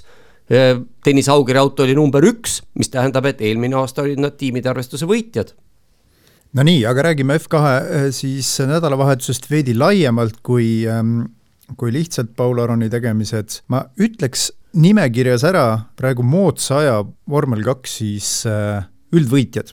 kaks tuhat seitseteist alates Charles Leclerc, George Russell, Nick de Vries, Mick Schumacher, Oscar Piastri äh,, siis Drugovitš ja viimast nime ma ei ütle, sest sellest me hakkame kohe rääkima, ja Felipe Drugovitš, vabandust, et äh, aga alustame äkki siis ajasõidust? alustame tegelikult hoopis reedesest päevast ja vormel ühe esimesest vabatreeningust, kus oli kümme autot oli nii-öelda noorte sõitjate käsutuses ja sealhulgas istusid nendes kümnes autos eh,, igaüks siis muidugi ühes autos, olid ka põhilised vormel kahe tiitli pretendendid. Eh, Theo Bourcher, kes oli tabelijuht kahekümne viie punktilise eduga ja Frederik Vesti, kes oli teine. esimene neist siis Sauber või Alfa Romeo Sauber äh, siis noorsõitja ja teine siis äh, Mercedese. no ja kui me sinna tahapoole veel vaatame, siis seal oli äh, Jack Duhan, kes on Alpiini palgal, siis oli ma nüüd pean lausa vaatama, kes meil siin veel olid, neid oli seal veel üks jama, Olli, Olli Beerman.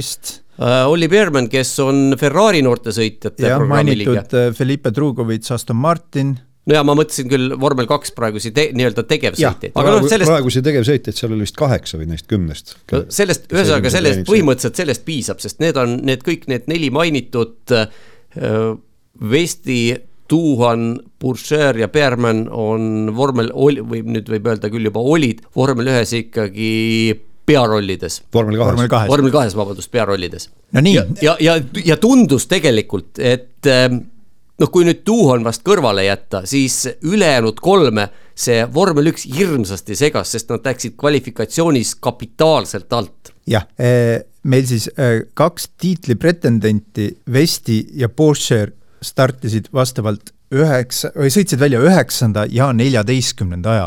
ja Berman oli üldse aga, kas seitsmeteistkümnes. aga enne kui te aegade juurde tulete, lihtsalt meie kuulajatele ka teadmiseks siis, et et see ajakava tegelikult oli nende jaoks, kes sellel esimesel vormel üks vabatreeningul osalesid, need vormel kaks sõitjad, nende jaoks see ajakava oli minu meelest ikkagi üsna pöörane, sellepärast et kas nad, kõigepealt oli neil oma vabatreening si.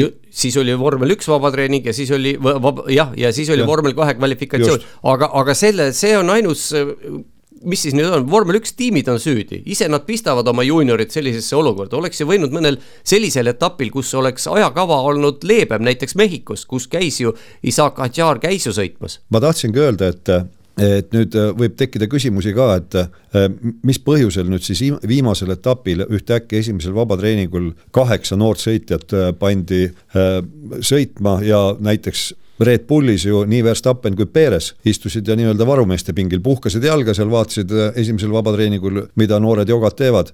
aga teema ongi selles, et. mis noored, Verstappeni autos sõitis ju Jake Dennis, kes on temast vanem. no hea küll, tinglikult. ja noor, noor sõitja, vormel, räägime, vormel ühe.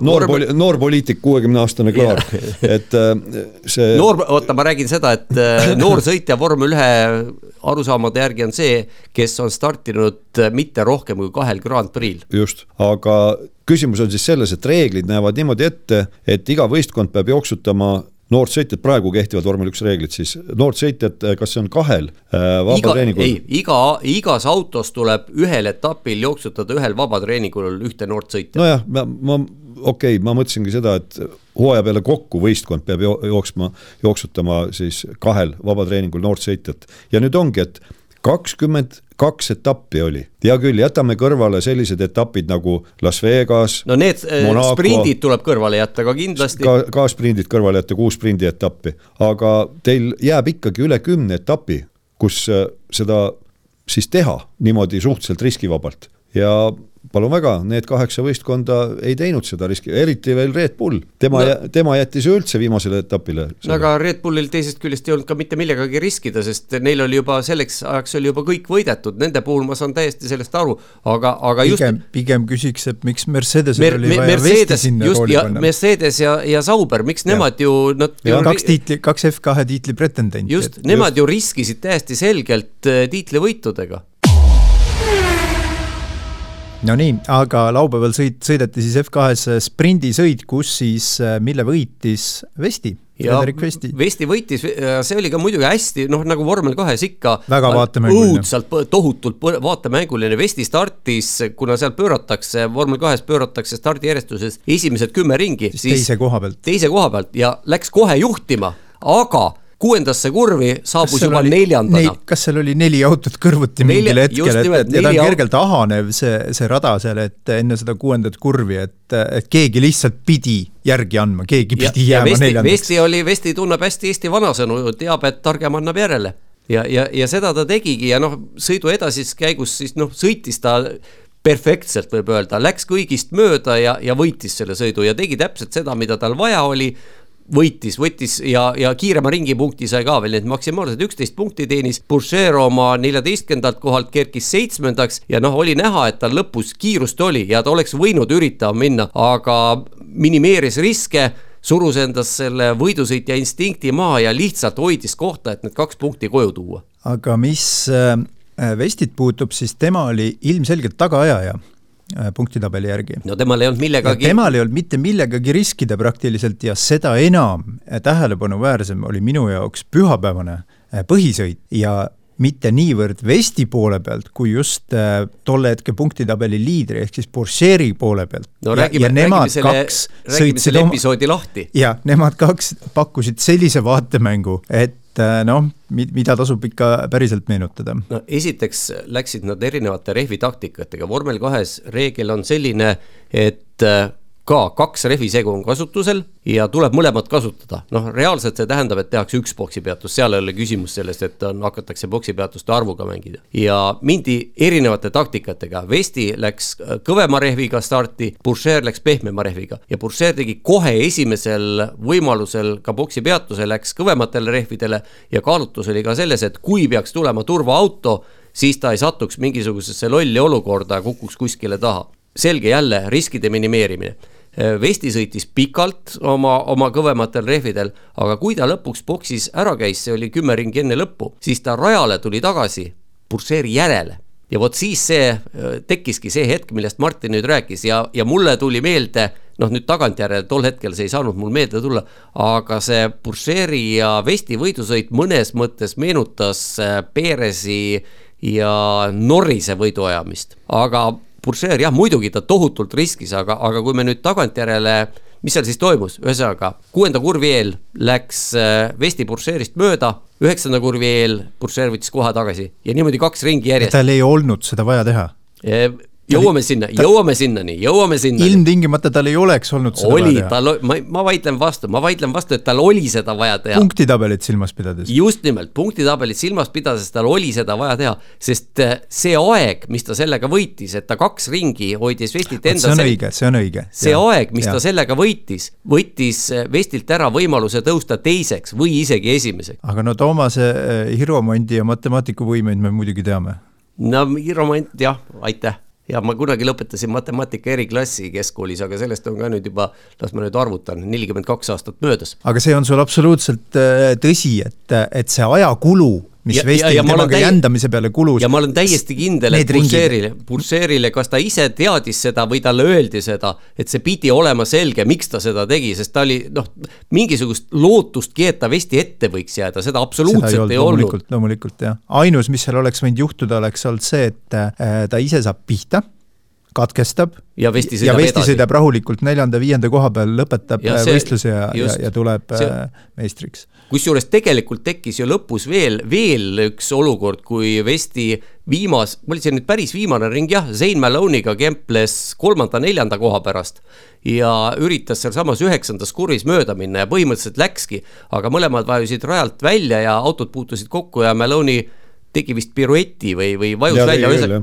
jah nii et. Äh, seda isegi mina mäletan. just, et Vestil vedas tohutult, et ta selles olukorras kannatajaks pooleks ei jäänud, et sealt oleks võinud ka noh, isegi kui ta ole, oleks äh, Burcherist punktidega ees olnud, seal oleks võinud veel kaduma minna. nii et talle tiim ütles ka raadiole, ütles, et mine, midagi ei ole kaotada ja, ja Vesti täpselt nii tegigi ja kui me nüüd neid kahte, ainult neid kahte, seal on loomulikult äh, andekaid sõitjaid veelgi, et, et kui me ainuüksi selle etapi põhjal neid kahte Vestit ja Porscheri vaatame, siis äh, võiks neil olla tulevikku vormel ühes?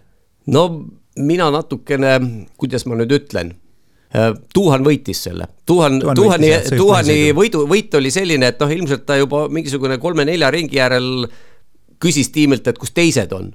kedagi ei olnud, kõik olid taga kaugel, kadunud ja lõpus oli ka tema edu, ma nüüd peast ei mäleta, aga see võis olla mingi kümmekond sekundit. aga võib-olla ütleme niimoodi remargi korras selle ka ära, et Porcheri äh, hooaja saldo oli muuseas üks etapivõit. jah, nii et ta sõitiski, sõitiski äh, ja võidu... Vesti kuue vastu. just, just, nii et see, see, aga noh, jällegi mitu etappi võitis Kege Rosberg siis, kui ta vormel üks maailmameistriks tuli. samuti ühe. just ei, ei ole vaja, nagu Tarmo siin ütles, et maailmameistriks või, või üldse sarjavõitjaks tuleb see, kellel on kõige suurem punktisumma. aga noh, Burcher teisest küljest on jälle vormel kahe kõigi aegade noorim etapivõitja, nii et ega ei saa temalegi, temalegi midagi süüks panna kui me nüüd räägime nendest sõitjatest ja nende vormel üks äh, väljavaadetest, siis mina ütleks, et äh, nendest, kes osales seal vormel ühe vabatreeningul ja võistles vormel kahes, siis Oliver Beermann on kõige suuremate šanssidega vormel ühte pääseda. Vestil ma arvan, et need šansid on praktiliselt null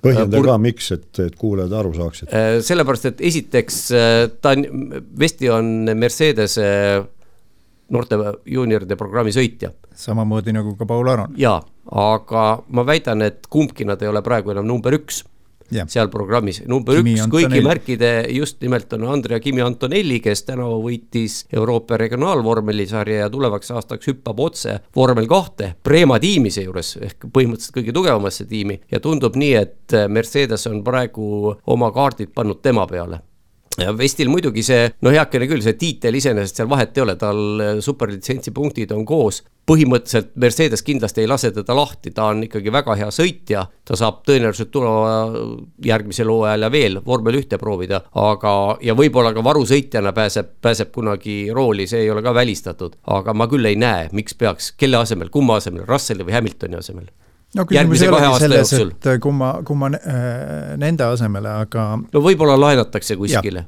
võib-olla, no aga see eeldab jälle, et peaks Mercedesel olema kellegagi diil. nii et äh, ikkagi ma väidan, et need šansid on, on, on üsna ähmased tal ja noh, tõele au andes, ega see vormel ühte mittejõudmine nüüd mingisugune maailmalõpp ei ole? ei, muidugi ei ole maailmalõpp, no vaatame seda, võta, võtame näiteks äh, sellise sõitja nagu Antonio Giovinazzi. Vormel ühes ei olnud, ei paistnud jällegi eriti millegagi silma, aga nüüd on ta Le Mani kahekümne nelja tunni sõidu võitja ja mitte lihtsalt võitja, vaid Ferrari'ga. kusjuures see, et äh, ei ole mingi maailmalõpp, see vormel ühte mittejõudmine see vastab tõele siis, kui sa oled natukene aega ilmas elanud ja, ja muid sarju ka näinud ja äh, sel aastal siin, kui oli Vipsil võimalus, Jüri Vipsil sõita Indikaaris kaks viimast etappi ka kaasa, kahju muidugi, et viimase etapiga läks esimeses kurvis nii nagu läks, aga esimesel ringil, aga näiteks Marko Asmer ütles mulle, kui temaga rääkisin, et oleks ma omal ajal teadnud, mida see Indikaar endast kujutab, ma ei oleks sekunditki mõelnud. ega, ega tema ei ole ainuke, selliseid, selliseid. ma tahtsingi öelda, et on, tema pole ainuke. just nimelt, aga noh, vähemalt on tal see kogemus olemas ja, ja ta oskab, oskab teistele rääkida ja ma arvan, et, et Ralf Aron oskab ka oma noorevanele vennale rääkida, et vormel ühes, vormel ühte mittejõudmine ei ole maailma lõpp. just nimelt. vastupidi see avab sinu ees kogu ülejäänud maailma. aga ütles seda ka Marko, et kuni sa oled selles süsteemis nii-öelda sees, siis sul on tunnelvaade sa, sa ei näe teisi sarju kõrval, sa, sa ei, isegi ei mõtle selle peale, et su elu on võimalik väljaspool vormel ühte, võidusõitjana. jaa, aga võtame seda kas või niiviisi, et aga millised..., aga sul peab olema, sul peab olema abilised, management.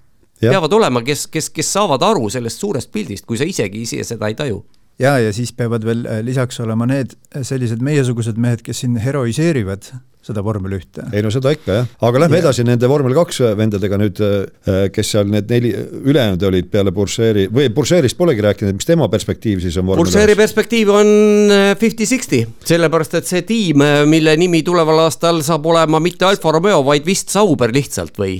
vist on jah, Sauber. vist on lihtsalt Sauber, eks me seda näe, kui see ülesandmine ükskord teoks saab, siis tema on selle juunioride programmi liige, aga jällegi kus see koht on ja kui sellest tiimist saab millalgi Audi, siis kas Audi. kui saab. kui sa, jah, see on ka noh, okei okay,, see ma, ma ikkagi arvan, et saab. ma arvan ka, et saab aga, aga see, kas saab või ei saa, aga, aga kus see koht talle on? noh, Guan Yu show asendajana ta võiks, tegelikult oli juba tänavu hooaja eel oli, oli, tuli korra jutuks, kuni show ikkagi ta, tagasi võeti, aga show'l on nüüd teine aasta ja kui seda Tosti teooriat rakendada, siis peaks veel kolmaski tulema. noh, ei saa öelda, et ta tänavu midagi halvasti oleks teinud, samas ka midagi, millegagi eriti ei hiilanud. Nii et noh, Burseeril on selline fifty-fifty, kes seal veel olid, Tuhanil Alpiinis praktiliselt lootusetu. praeguse seisuga küll, sellepärast et äh, vaatame, Gasly, noorsõitja, Ocon, noorsõitja, mõlemad on kiired, mis põhjusel peaks Tuhan kummagi neist välja vahetama? siis Isaac Hadjar, kes äh, sõitis äh, seekord Red Bulliga ja kus etapil, Mehhikos, Mehhikos sõitis Alfa Tauriga. No tema on ka niisugune tegelikult täitsa arusaamatu, miks ta sinna pandi üldse, sest miks Ayumu Ivasa, Ivasa küll ma saan aru, et sõidab nüüd sellel, selle nädala hooaja järgselt Eestil Red Bulliga. et mina oleks näiteks oodanud, et Ivasa oleks Jaapani Grand Prix pistetud ükskõik kumma, kas siis Red Bulli või, või Alfa Tauri rooli, et oleks selline PR-võit ka olnud. siis, kes meil seal veel olid? Äh, Oliver Beermanist jah, Ferrari noortesõitjate programmi liige, tema tundub seal praegu vägagi, vägagi päevakorral olemas, et kui tõesti näiteks kas just Ferrarisse otse, võib-olla pigem Haasi või Sauberisse, no Haasiga ta nüüd tegi kaks korda, on vabatreeningutel osalenud, nii et see tundub vägagi tõenäoline, sest kaua Haas ikka Hülkenbergi ja Magnusseni seal viitsib sõidutada. ja kes siis veel, ongi vist kõik või? No seal neid äh, noortesõitjate programmi liikmeid muidugi on üks, üksjagu, aga, aga ega ei ole seal ka teistel mingit väga, väga erilist perspektiivi minu meelest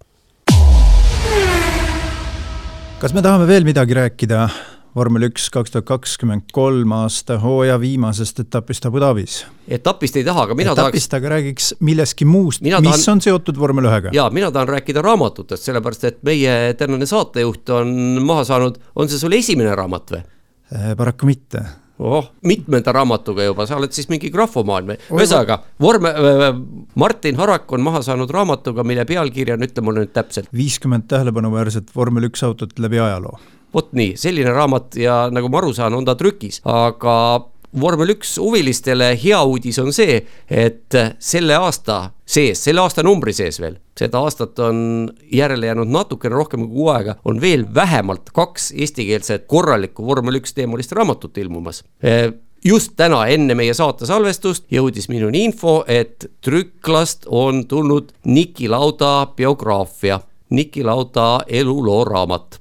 Eestikeelne? Eestikeelne ja trükki läinud on, võib-olla on ka tulnud, ma ei ole veel seda praegu kuulnud, Enzo Ferrari elulugu, see põhimõtteliselt raamat äh, sellel samal alusel, mille põhjal tehtud filmi sai PÖFFil näha ja mis Eesti kinodesse peaks jõudma jaanuari lõpul. ja meie kaassaatejuht Toomas Vabamäe on nende mõlema raamatuga seotud no ma olen natukene seotud jah, mina ei ole neid kirjutanud, mina ei ole neid tõlkinud, aga jah, ma suunasin. küll sa oled ekspert nõu andnud. ja ütleme siis niimoodi, olen nõus, ega ma tagasi ajada ei saa.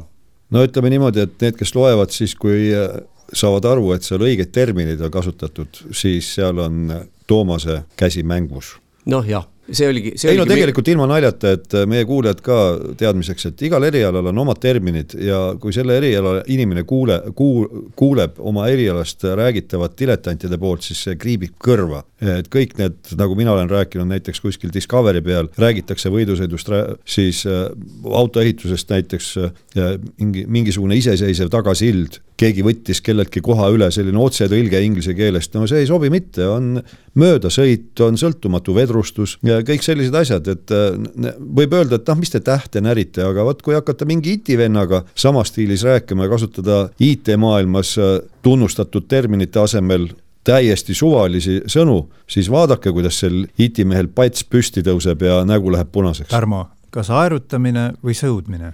Väga lihtne, väga lihtne, sõudmises on aerud paadi küljes, aerutamises ei ole aerud paadi küljes. ehk, ehk siis üks kamakõik. aga ralli või ringrada?